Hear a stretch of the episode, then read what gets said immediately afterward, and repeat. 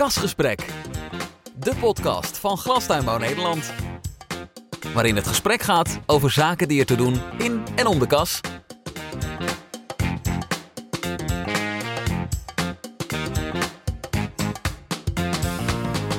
Kasgesprek. Fijn dat je luistert naar Kasgesprek, waarin ik dit jaar in gesprek ga met ondernemers in de glastuinbouw. Wat houdt hen bezig? Wat kenmerkt hun ondernemerschap en hoe kijken ze naar de toekomst? Ik ben vandaag de gast bij Beyond Grisant in Hoek van Holland, waar de wind weliswaar om de eh, gebouwen giert, maar eh, binnen is het warm en gezellig. Mijn naam is Roger Abbenhuis en tegenover mij zit Wouter Duivenstein. Wouter, leuk dat je het spits wil afbijten en bedankt voor de ontvangst. Wil je je eerst even kort introduceren voor degenen die jou wellicht niet kennen? Hey, ik ben eh, Wouter Duivenstein. Bedankt dat je voor mij ja, de eerste uitzending maakte, de eerste podcast. Ehm, ik ben ehm, naast kweken ben ik eh, vader van vier kinderen. Eh, ik ben een voetbalcoach, of niet voetbalcoach, voetbaltrainer van jongens onder de zes, onder de zeven. Ehm, ik, ben, ik hou van gezelligheid en af en toe een biertje drinken. En ja, ik heb een bedrijf samen met mijn broer en dat heet Beyond Grisant. Wij maken jaar rond uh, grisanten en wij, wij vinden het leuk om, we vinden het een uitdaging om eh, te kijken of we zo, zo goed mogelijke grisanten kunnen maken tegen zo'n hoog mogelijke prijs. En ehm, ja, dat drijft ons en dat willen we dan doen eh, ja, met zoveel mogelijk eh, vernieuwingen en verbeteringen. En elke dag kijken of we nog een stapje verder kunnen gaan. Nou, op een aantal van deze zaken ga ik zeker nog terugkomen. Ik merk al dat de uitdaging wordt om dit gesprek ongeveer in een half uur te proppen. Maar eh, ja, dat is een, een uitdaging voor ons beiden. Om te beginnen wil ik misschien met jou even eerst kijken naar de actualiteit. Maar ja, dat kan niet zonder een terugblik op 2022. Kasgesprek, de podcast van Glastuinbouw Nederland. Wouter, ehm, 2022. Ik denk dat we kunnen stellen, als ik vanuit Glastuinbouw Nederland en uit, vanuit mezelf kijk, dat jij degene bent die eh, vorig jaar het meest het verhaal, de, de visie, de ambities van de glastuinbouw hebt gedeeld in de media. Klopt dat? Eh, ik heb het niet bijgehouden of gevinkt. Ik heb eh, wel eh, mijn best gedaan om daar een steentje aan bij te dragen. Had je daar een speciale motivatie voor om dat te doen? Ja, ik heb me eigenlijk altijd al druk gemaakt over het beeld wat mensen om ons heen van ons hebben. Als je kijkt naar de maatschappij, mensen die gewoon, oh, werk jij in de tuin? Oh, dat hoeven mijn kinderen niet. Hè? Daar komen wij wel een beetje vandaan. En laten we eerlijk zijn, de mensen hebben gewoon gelijk. Dat wil je vroeger, wil je dat niet zien. Nu zie ik eigenlijk, die mensen hadden gelijk. Eh, maar wat ik wel ook zie, is dat we eh, aan het veranderen zijn. Dat het wel weer leuk wordt. En we moeten nu dus denk ik ook dat verhaal gaan vertellen. En laten zien wat we, wat we bijdragen in die, in die maatschappij. Want dat is echt, dat is echt, echt veel gewoon. En ben je dan ook tevreden eh, over de manier waarop dit in de media ja, toch wel is uitgedragen op basis van jouw informatie? Eh, nou, ik heb geprobeerd daar eh, eh, wat zo goed mogelijk mijn best in te doen. En je, je, doordat je het vaker doet, merk je ook dat het je lukt om vaker nee te zeggen tegen de omroepen die niet het verhaal willen laten horen. En misschien ja te zeggen tegen de, de, omroepen die wel iets willen laten horen. Eh, maar het blijft ook altijd te weinig. En ik denk dat we dit met elkaar moeten doen om zoveel mogelijk positief nieuws gewoon te zaaien. Want dat is natuurlijk niet wat de, wat de mensen vaak willen horen. Nieuws is eigenlijk vaak negatief. Ja, en dat gaat ook nu nog door. Eh, het is niet dat jij nu een, eh, een radiostilte inlast. Of wil je toch eh, wel primair gaan richten op je eigen ondernemerschap? Nou goed, ik denk dat het onlosmakelijk van elkaar verbonden is. Want heel veel mensen zeggen, ja, jullie, jullie doen altijd zoveel voor, voor het vak, voor het collectief. Eh, ik denk dat het ook een stukje welgemeend eigenbelang is. Omdat ik vind het ook gewoon belangrijk om nog tuinder te kunnen zijn. En eh, ik denk dat we iets te moois hebben om met elkaar te laten gaan. Dus ehm, ja, daar wil ik gewoon me voor blijven inzetten. En krijg je daar energie van? Krijg je energie van jouw ondernemerschap ook in een jaar als 2022? En krijg je ook energie van het uitdragen van eh, je ondernemerschap? Ik krijg zeker energie van het uitdragen van mijn ondernemerschap. Alleen eh, er zijn ook dagen dat, ik, eh, dat dat minder lukt. Ik kan je herinneren me nog een interview met RTL. Mensen waren heel enthousiast. En ik heb ze heel duidelijk de boodschap meegegeven dat ik iets wilde, positiefs wilde vertellen over de glastuinbouw. Ze hebben me misschien wel, eh, wel, wel honderd vragen gesteld. Ik denk dat er uiteindelijk op de televisie één eh, zin te horen was. En dat was een zin waarvan ik me niet bewust van was dat ze me aan het opnemen waren.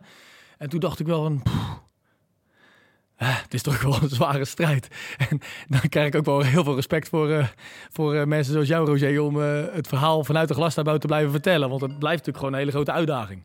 Ja, nee, ja, dat, is een, eh, dat is een feit. En eh, daarom is het zeker niet tot een eh 31 december opeens een periode heeft afgesloten. Het is gewoon eh, eh, continuering van, eh, van activiteiten, denk ik. Ehm, heb je je vorig jaar ook wel zorgen gemaakt? Ik heb me zeker zorgen gemaakt. En ehm, mijn zorgen waren met name in het begin van het jaar. Eh, het moment dat eh, Rusland echt daadwerkelijk Oekraïne inviel. Iets wat ik me echt niet had kunnen voorstellen. Ik, ja, ik kon gewoon, denk zoals heel veel mensen, niet geloven dat er nog oorlog zo dicht bij huis zou zijn in deze tijd. Ehm, ik weet nog dat ik tegen de boekhouder zei van nou zet maar voor de rest van het jaar eh, een eh, lage prijs erin. En laten we maar eens kijken of we dit eh, zo gaan redden. Want ik ben me er terdege van bewust dat we in een sector zitten waar vraag en aanbod nog steeds bestuurd worden door daghandel en de klok. Voor heel veel bedrijven. En op het moment dat er een- toch een 10, 20, 30 procent van een markt wegvalt, ehm, dan, ehm, ja, dan heeft dat consequenties niet alleen voor mijn markt, maar mijn product komt ook op de rest van de markt. En het effect eh, van prijsdaling, ja, dat, maar dat, dat was wel een onderdeel dat ik dacht van wow, dit kan wel eens hele grote gevolgen gaan hebben.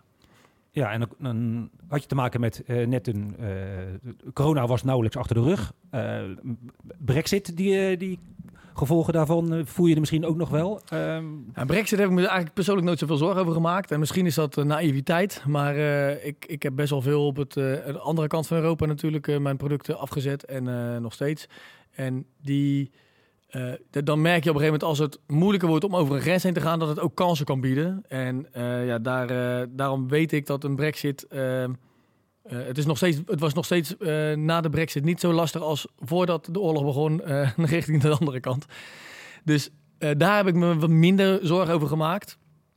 Ehm, maar ja, wel het vertrouwen van consumenten en tegelijkertijd het afname van markten. Van wat geeft dat voor effect? En ja, laten we eerlijk zijn. We hebben natuurlijk in de hele kostenstructuur natuurlijk enorme stap omhoog gemaakt. En ja, dat als het natuurlijk eh, opbrengst omlaag gaat en de kosten omhoog, dan weten we allemaal wat dat met de marge doet. hoe lukt het je dan om toch ehm, ja, elke morgen weer met eh, een zekere positieve eh, insteek eh, aan het werk te gaan? Ehm, nou, nou ben ik denk van nature gewoon een eh, positief mens. Ik heb niet zo snel dat ik, eh, dat ik me echt heel veel zorgen maak. Ik zie eigenlijk altijd wel weer kansen. En eh, soms merk ik aan mezelf dat mensen om me heen wel eens denken... ja, die jongen die heeft eh, gewoon een bord voor zijn kop... of die, eh, die is alle realiteit verloren. Zelf ben ik blij dat ik die eigenschap heb... omdat ik zie dat, dat ik altijd wel een manier zie om verder te gaan. Of om weer kansen te zien. En ehm, ja, ik heb wel vaker tegen mijn broer gezegd... ik vind eigenlijk het geloof ik wel leuk dat er weer een crisis is. En eh, ondanks dat het natuurlijk heel veel leed her en der geeft... ehm, zie ik, vind ik het... Ja, ik vind het ondernemen maakt het een heel stuk spannender en uitdagender. En dat...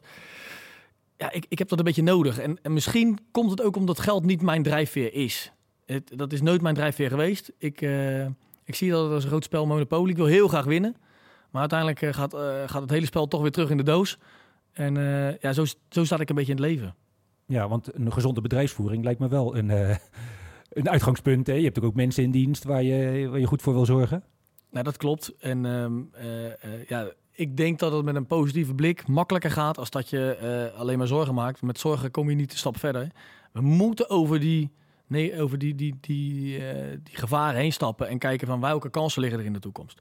Want dat is in mijn ogen de enige manier om een succesvolle bedrijfsvoering te hebben.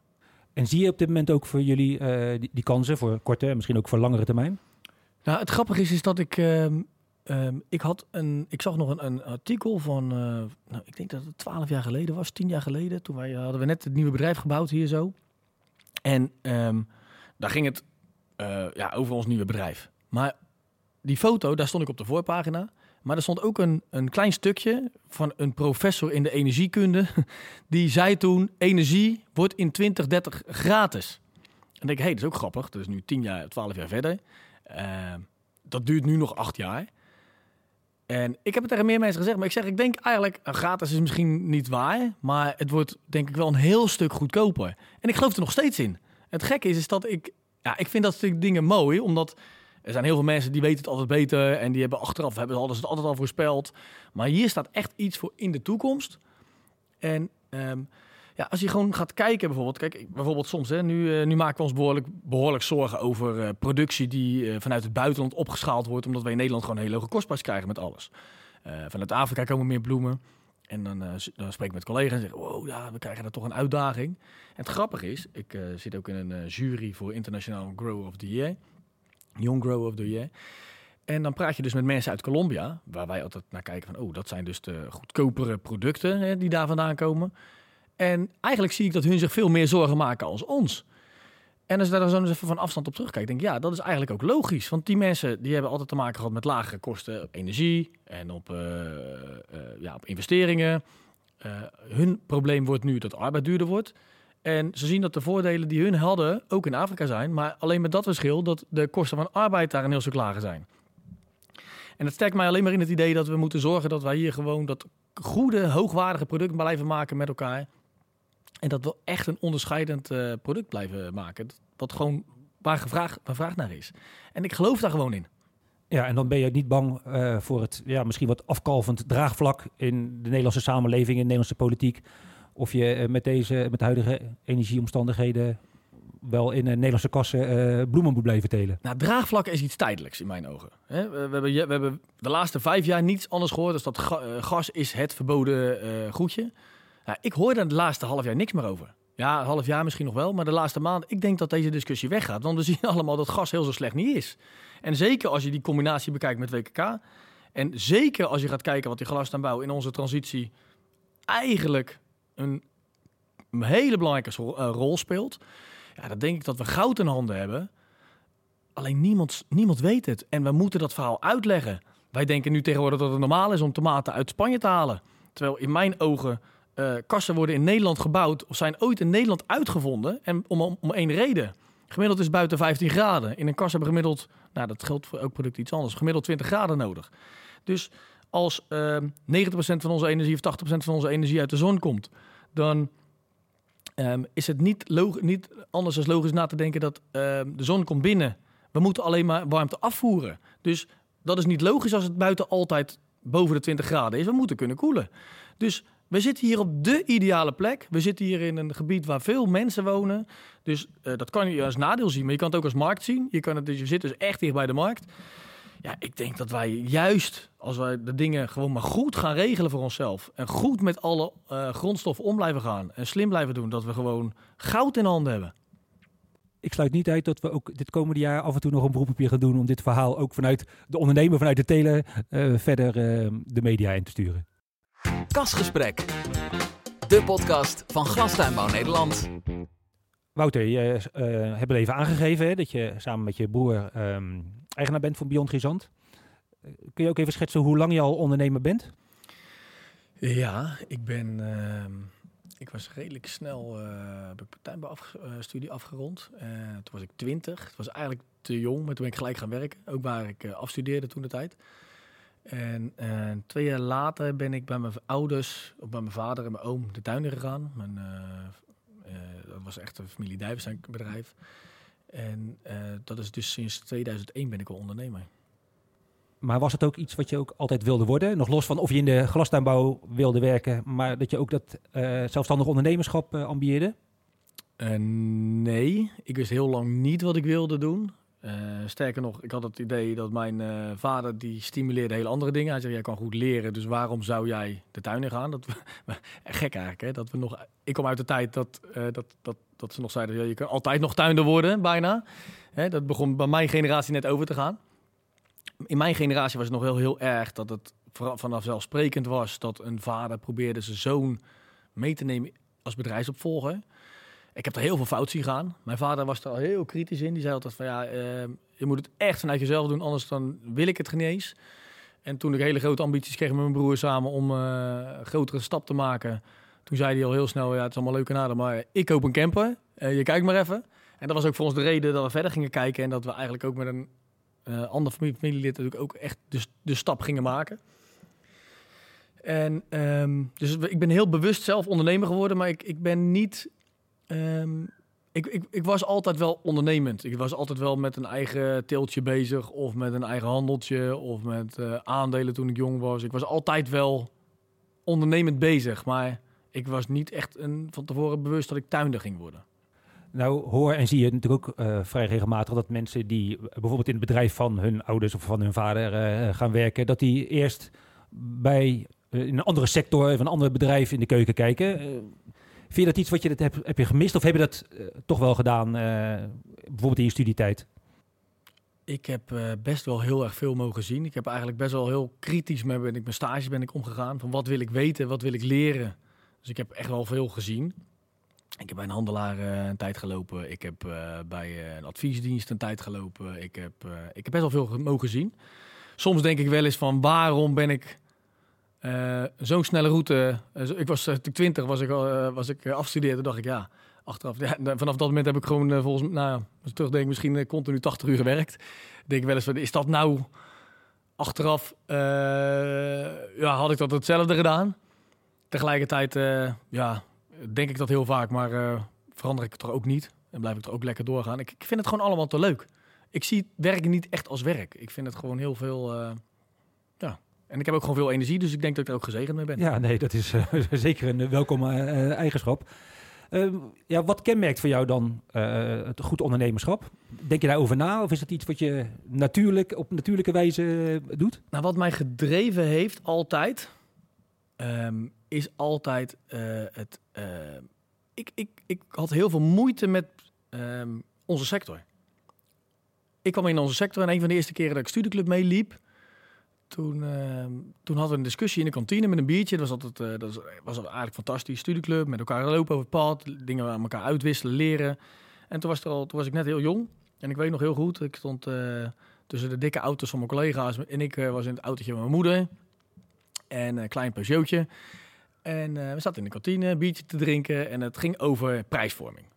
En eh, we hadden een discussie. Uh, Gisante, Wouter, die zit, al- kost altijd tussen de 22 en de 23 eurocent. En ehm, ja, daar zul je het mee moeten doen. Dat is al 40 jaar zo. En dat zal de komende 40 jaar nog steeds wel zo zijn. En ik begon de discussie. Ik zei, jongens, maar is het dan niet handig als we eens gaan proberen om eens een centje of twee centjes meer te vragen? Zodat we eens uit die sleur komen. En ik weet nog heel goed de reactie die er toen was. Hahaha, ha, ha. iedereen was keihard aan het lachen. Wouter, jij moet nog een hoop leren. En dat heeft mij altijd getriggerd. En ik heb denk ik, en dat komt niet door die situatie, maar dat is iets wat mij altijd bezig heb heeft gehouden. Ik heb geen zin om te concurreren met mijn collega's. Mijn collega's zie ik niet als concurrenten. Ik zie mijn collega's als eh, collega's eh, waar je mee eh spaart. Die bij mij komen kijken, waar ik ga kijken. Waar je dingen aan elkaar leert. En dat, dat doen we in de, in de Grisant ook echt nog steeds. Dat is echt leuk. Maar tegelijkertijd heb ik altijd gekeken van... oh, iedereen gaat daar zichzelf op focussen. Oh, dan ga ik dat juist niet doen. Hè? En ehm, ja, dat is een beetje zoals wij zijn. Gewoon, wij proberen het anders te doen als de rest. En daarmee ook... Eigenlijk zit er niemand in de, in de weg. En tegelijkertijd pro- pro- proberen we ons eigen plekje in die markt te vinden. Ja, en is dat ook iets wat je ehm, aan jonge ondernemers zou eh, willen meegeven? Ik weet, ik weet niet, denk je er ook? Je, je hebt nog jonge kinderen, maar eh, ja, jonge kinderen worden snel oud, zeg, eh, spreek ik uit ervaring. Zou je sowieso je, je kinderen stimuleren om ook in de glastuinbouw te gaan? Ik, eh, ik heb nog echt jonge kinderen. Ik, eh, ik heb vier jongens. En de oudste die mag nu voor het eerst volgend jaar eh, mag die naar de VWO. En eh, ja, die zegt zelf dat hij wel tuinder wil worden. Maar ik stimuleer het totaal niet. Ik vind... ehm, het grappige is dat hij ook wel eens mee wil werken. En eh, ik zeg altijd, als jij dan eh, s s'morgens om eh, kwart over vijf klaar staat, dan neem ik je mee en anders niet. En misschien is dat kindermishandeling. Maar hij staat er ook altijd. En ehm die gaat hij mee. En we hebben wel gezegd, als jij 13 bent, eh, mag je niet meer bij ons werken. Want mijn broer heeft ook nog een paar dochters. Wij willen niet dat de jongens hier zo eh, de tuin in gaan. Dus we moeten echt ergens anders maar gaan kijken. En ook wel met het idee dat ze meer van de wereld moeten zien. En eh, gewoon kijken. En ik, ik wil het eigenlijk helemaal niet stimuleren. Want ik, ik heb in mijn generatie ook heel veel jongens ongelukkig zien worden met het feit dat ze tuinder werden, omdat het ze helemaal niet lag. Je ziet nog best wel kwekers de laatste tien jaar die gestopt zijn, die eigenlijk helemaal niet gelukkig waren met tuinder zijn. Het is denk ik een way of life. Je moet er een beetje tegen kennen. Je bent altijd bezig met je bedrijf. En ja, je moet, het, het- ik weet niet, het moet je gewoon liggen. En ik, ik, ik gun mijn kinderen een, ehm, ja, een, een, eh, een, een, ja, een gelukkige toekomst. Ja, een gelukkig leven. En daar is zeker geen, eh, geen eh, alleen tuin erbij. eh. en, en sterker nog, wij zijn natuurlijk, we zijn tuinder, maar we, ja, we zijn een bedrijfje begonnen in de software.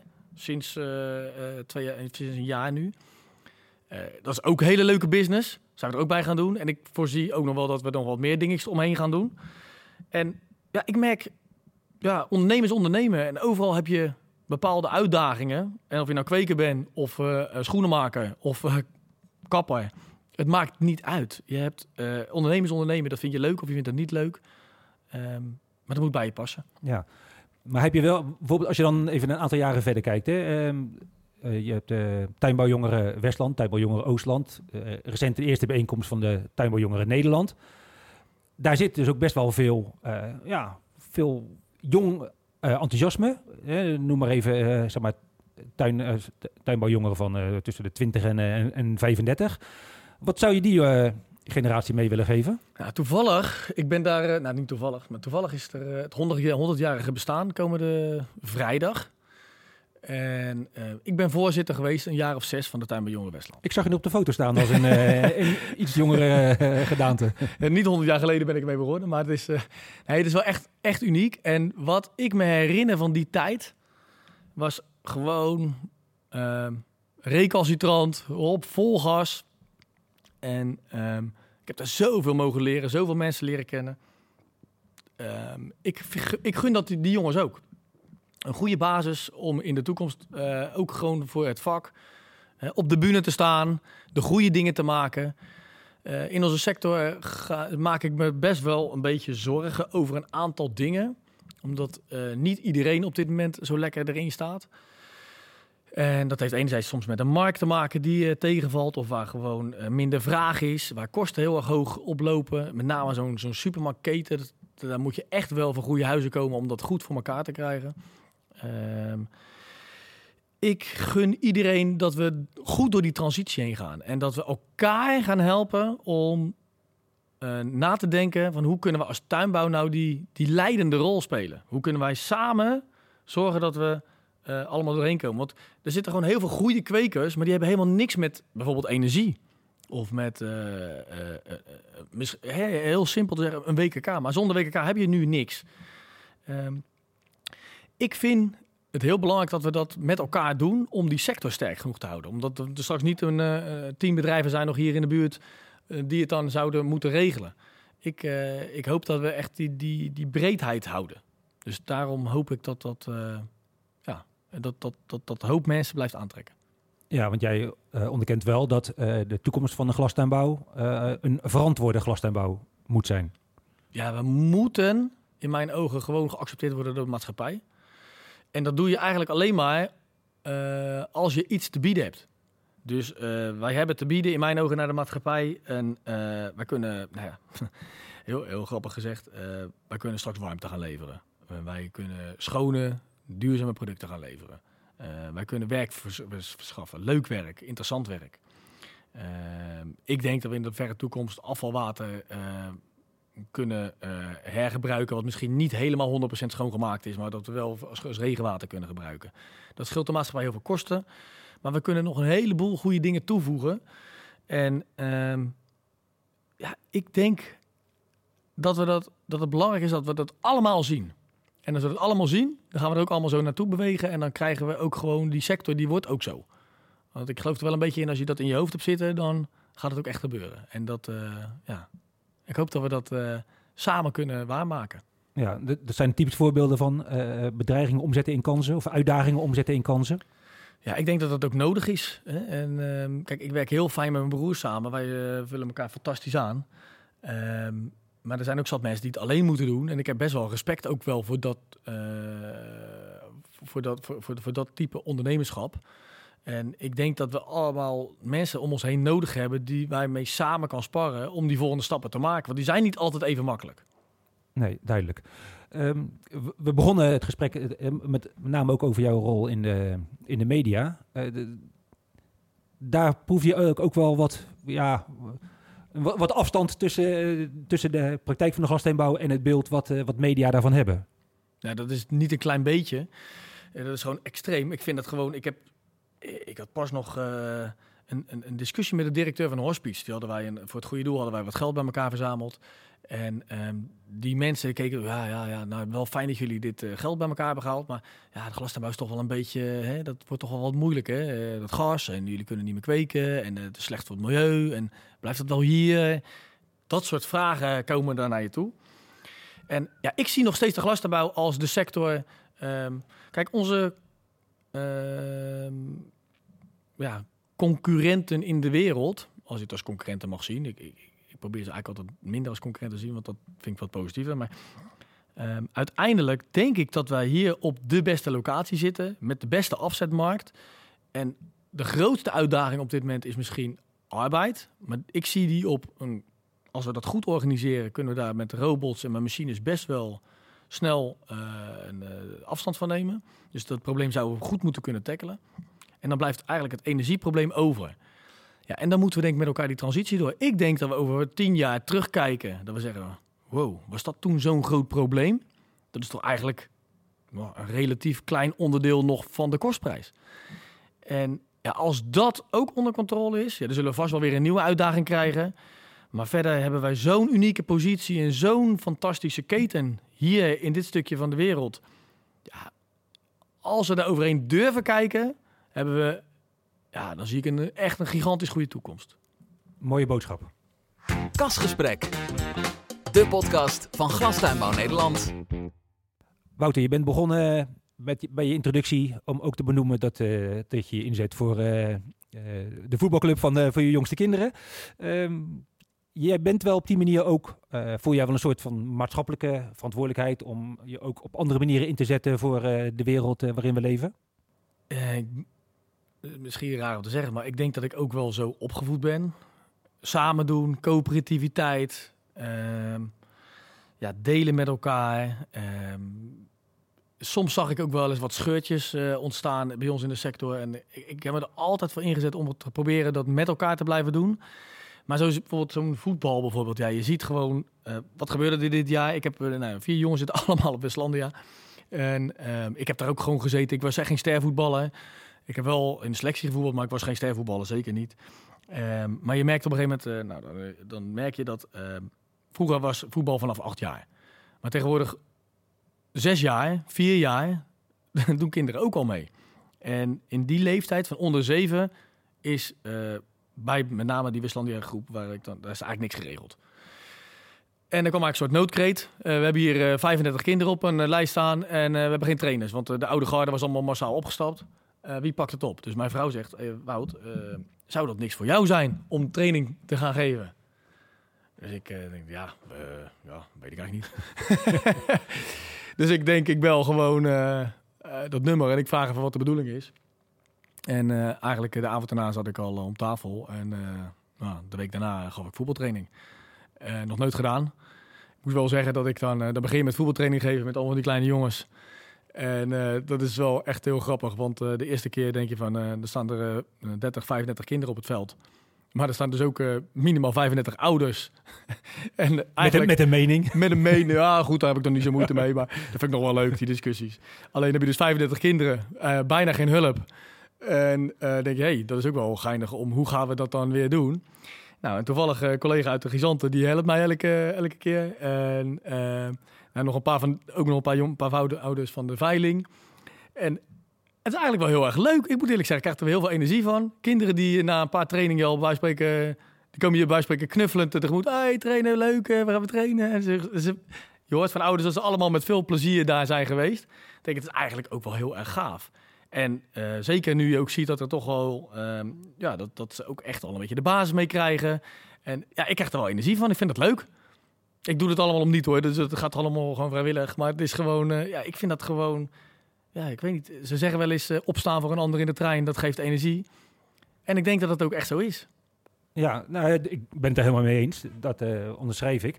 Ehm, volgens mij vertaal je dat voor een belangrijk deel ook naar je bedrijf. Als ik kijk naar ook een deel van de mensen die jij hier hebt rondlopen, die misschien een wat, eh, in de basis wat grotere afstand tot de arbeidsmarkt hebben dan, dan anderen? Dat, dat, dat, dat proberen we wel. Kijk, dat is bij ons ook wel relatief makkelijk, want we hebben ook niet een heel groot bedrijf met heel veel vestigingen of zo en heel veel mensen. Dus eh, we hebben 70% van de medewerkers die hier lopen, die zitten ook in vaste dienst. Eh, ik heb eh, echt met heel veel plezier nu een jaar of zeven een waarjonger in dienst. Vast, en die, die is hier gewoon 40 uur in de week of 38 uur. Ja, dan verandert je bedrijf. Er wordt er niet harder gewerkt, maar de sfeer is echt anders. Iedereen kent onze Rudy. Je komt binnen en de kop koffie die wordt je al bijna aangeboden, bij wijze van spreken. Ehm, het is eigenlijk zo succesvol dat ik denk van... hé, ik, eh, ik ben al met een, eh, met een eh, stageplek ook bezig voor diezelfde school. En er komt nu ook een jongen uit. En ik denk, van, nou, dat zou me ook niet verbazen als die ook aangenomen wordt. We zijn nu op dit moment bezig met... ja, we werken met, met uitzendbureaus nog een klein beetje. We hebben maar op zich maar een relatief klein gedeelte flexibel. Ehm, maar ehm, ja, we weten allemaal dat het uitzendbureau, dat daar ook eh, mensen, zeg maar, de beschikbaarheid kleiner wordt. En daardoor ook andere type mensen, verslaafden, eh waar je van het helemaal in eerste instantie niet weet. Die denken, oh, het zijn gewoon normale mensen. En na een half jaar komen we erachter dat ze toch wel erg eh, veel gebruiken. Ehm, nou, dus de helft sturen weg en de andere helft die breng je verder naar eh, een gezond proces. En sommigen heb ik zelfs aangenomen. Dan denk je, ja, ik heb nu een Nederlander eh, aangeboden gekregen die alcoholist is geweest. En eh, daar heb ik volgende week het eerste gesprek mee. En die wordt vanuit de gemeente, krijg je daar eh, ja, ehm, subsidie van. Dan denk je, ja, wat is nou eigenlijk het verschil tussen een uitzendbureau, iemand die een verleden heeft dusdanig, of iemand uit Nederland, waarvan je weet dat hij al van tevoren weet dat, dat, het pro- probleem eh, speelde. En ehm, ja, ik vind het wel grappig om... ehm, bij ons in bedrijf zie ik eigenlijk twee dingen ontstaan. We zijn steeds meer met techniek bezig, dus de mensen die wij in vaste dienst hebben, zijn over het algemeen wat mensen die wat kundiger zijn, wat meer kunnen, wat slimmer zijn. Maar je hebt ook nog steeds die groep die gewoon het hele simpele arbeid moet kunnen doen.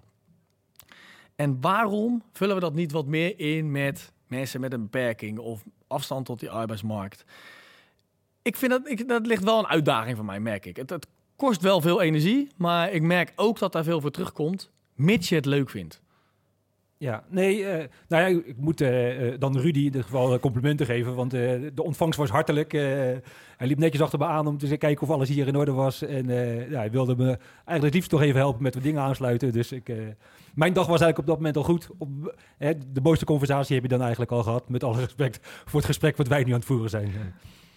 Ehm, we zijn begonnen met de actualiteit. Eh, je hebt al een aantal keren eh, de toekomst ehm, eh, ja, de revue laten passeren. Hoe zie je de toekomst van je bedrijf, van jullie bedrijf? Hoe zie je ook de toekomst van de grisante teelt? Eh, al heb je daar ook al wel wat signalen van afgegeven. Ehm, ik denk dat we, eh, eh, als ik heel eerlijk ben, erg veel eh, toekomst kunnen hebben, mits we de goede keuze maken. Ik denk dat we wel een klein beetje af moeten van het feit dat we moeten denken dat we altijd de goedkoopste moeten zijn. We moeten echt zorgen dat we gewoon goede spullen blijven maken in Nederland. En dat hoeft niet altijd de beste te zijn, maar wel gemiddeld beter dan wat er uit een container komt. Eh, wij, in Nederland maken wel, ik maak wat grapje van als spullen uit de container komen. Wij gooien spullen die we niet goed meer vinden in de container. Maar ehm, ik bedoel eigenlijk gewoon te zeggen dat we wel ons positief moeten onderscheiden als land op duurzaamheid. Op een aantal facetten wat gewoon de eh, maatschappij van ons verwacht. En daar moeten we ons gewoon meer op focussen. En dan is het helemaal niet duurzaam om bloemen uit de andere kant van de wereld te halen. En dan is het helemaal niet logisch om eh, ehm, je eigen mensen in je eigen land niet aan het werk te hebben. Ik denk dat we daar gewoon een rol hebben. En dat mensen dat we zelf gaan waarderen. En dat laten, ook laten blijken door eh, het kopen van bloemen of planten. Omdat dat namelijk ook allemaal emotie is. Dus dat past perfect bij elkaar. Ja, dus dat is een vooruitzicht eh, die jij ziet niet alleen voor de gezante teelt, maar voor de sierteelt in zijn algemeenheid. Ja, dat denk ik wel. Mits we het maar op een bewuste manier blijven doen. We moeten wegblijven van illegaliteit, illegale middelen. eh, veel mest gebruiken, veel chemie gebruiken. Nee, we moeten echt kijken hoe we de volgende stappen kunnen maken. eh, om om zo, min, ja, zo min mogelijk footprint te hebben. En we weten allemaal nog niet hoe dat werkt. Dat gaan we allemaal uitzoeken. Maar ik denk dat we dat niet als bedreiging moeten zien. Maar dat moeten we echt omarmen. En met elkaar zorgen dat we ja, als Nederland dat heel goed voor elkaar hebben. Want we hebben de laatste tien jaar gezien dat een certificaat kan je net zo makkelijk halen in, Frank of in, in eh, Afrika als in Nederland. En daar hebben ze nog andere eisen ook. En tegelijkertijd denk ik, ja, dan kunnen we ons dus op certificaatniveau niet onderscheiden. Maar als je natuurlijk echt naar duurzaamheid gaat kijken, Ja, dan zijn we er zeker niet. Maar we kunnen er heel makkelijk wel komen, volgens mij. Als we maar snappen hoe het werkt. Ja, en dat kan natuurlijk ook een duidelijke boodschap naar buiten toe zijn. Hè? Want ja, niemand kan verwachten dat je een transitie, hè, wat in zich al heeft, dat het een lang lopend proces is, in één jaar gerealiseerd hebt. Maar als je maar wel laat zien de stappen die je aan het zetten bent. Ja, en die stappen hebben we denk ik voor een groot deel als sector al uh, de laatste winter moeten maken om te overleven. Hè? Dus misschien wel iets meer seizoensgericht. Misschien wel iets minder energiegebruik. Uh, nieuwe technieken als LED. Uh, ja, we gaan natuurlijk we gaan nog echt heel veel de komende vijf jaar meemaken, denk ik, in die ontwikkelingen. Oké, nou, ik ga het met jou volgen. Kasgesprek. De podcast van Glastuinbouw Nederland. Uh, Wouter, tot slot ga ik uh, uh, jou als eerste, maar ook de collega's die na jou komen en een vraag stellen die misschien wat verder van hun weg ligt. Die ze misschien ook niet helemaal verwachten. Maar ik ben benieuwd van, ja, welk boek ben jij op dit moment aan het lezen? Welke muziek luister je momenteel naar? Welke film heb je recentelijk gezien? Maar ik twijfel of dat is waar jij je vrije tijd mee, mee vult de vrije tijd die je hebt, hè, uh, toch even toch wat uren thuis. Uh, de kinderen uh, naar bed, nat en, en koud buiten. Wat doet Wouter Dijverstein dan? ja, ja, ik lees eigenlijk helemaal niet. Dat heb je aardig gezien. Ik, ik vind altijd... de krant lees ik oud nieuws. het is allemaal nieuws van gisteren. Of, dus ik, als ik nieuws lees, dan is het online. wat zo kort mogelijk geleden uit is. Um, ik vind het nog wel leuk om wat wetenschappelijke dingetjes soms wel eens wat te zien. Hè? Scientifics of dat soort dingetjes. Ontwikkelingen. Dus, dus dat vind ik wel leuk. Een beetje objectieve kennisinformatie. Maar als het echt over nieuws gaat, is het echt online. maar ook dat beperkt. ik, ik kijk trouwens wel steeds meer... ik, kijk, ik kijk eigenlijk nooit films zo, maar ik ben het nu wel wat meer aan het doen. Puur en alleen omdat ik en al een vreemde taal aan het leren ben. En ik wil dat beter in bedreven worden, dus dat doe ik dan wel in een andere taal. Ehm, maar verder eigenlijk niet. Wil je inmiddels delen welke taal dat is? dat is het Russisch. Ja, misschien, wel een beetje, ja. misschien wel een beetje een rare taal, uh, als je ziet het laatste jaar. Ik heb twee jaar geleden besloten dat ik die taal ging leren, omdat ik, uh, ja, ook weer, ook weer zoiets, omdat ik zie dat het een hele moeilijke taal is om te leren. Ehm, ik weet dat ik redelijk makkelijk leer. En toen dacht ik, ah, ik ga het gewoon doen. En inmiddels gaat het me steeds beter af. En uh, daarvoor gebruik ik wel eens een filmpje dat ik gewoon Russisch gesproken lees of luister. En dan mijn Nederlands ondertiteld of zo, dat ik nog even zeker weet dat ik de clue goed begrijp. Maar dat soort dingen ben ik echt aan het doen. En dat, maar ja, wat is vrije tijd? Ik vind eigenlijk, ik heb, wat is werk?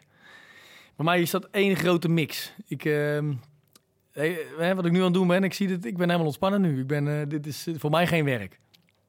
En met klanten omgaan, ik vind het echt, het is geen werk. Het is, ja, ik denk op het moment dat ik mijn werk als werk ga zien, dan uh, moet ik denk ik iets anders gaan doen. Nou, fascinerend de, de taal die je aan, aan het leren bent. afgelopen twee weken geleden kreeg Ilse de Graaf, de NOS-correspondent in, in Moskou, die kreeg nog een aantal prijzen vanwege haar heldere manier waarop ze de, de boodschap vanuit Rusland tot ons brengt. Dus nou, wellicht ligt daar nog een uitdaging voor je. En het, het triggert mij in ieder geval dat ik misschien mijn Italiaanse woordjes die ik alleen maar wil beheersen voor het terras in Toscane misschien toch even weer tot me moet nemen. Um, mag ik jou bedanken voor, voor je tijd en je openhartigheid. ik denk dat het een mooie aftrap is voor deze serie gesprekken. En aan de luisteraars, eh, die bedank ik voor het luisteren. Graag tot het volgende kastgesprek, waarin, waarin ik opnieuw op zoek ga naar de gedrevenheid van de glastuinbouwondernemers in Nederland. Dank jullie wel. Kastgesprek, de podcast van Glastuinbouw Nederland.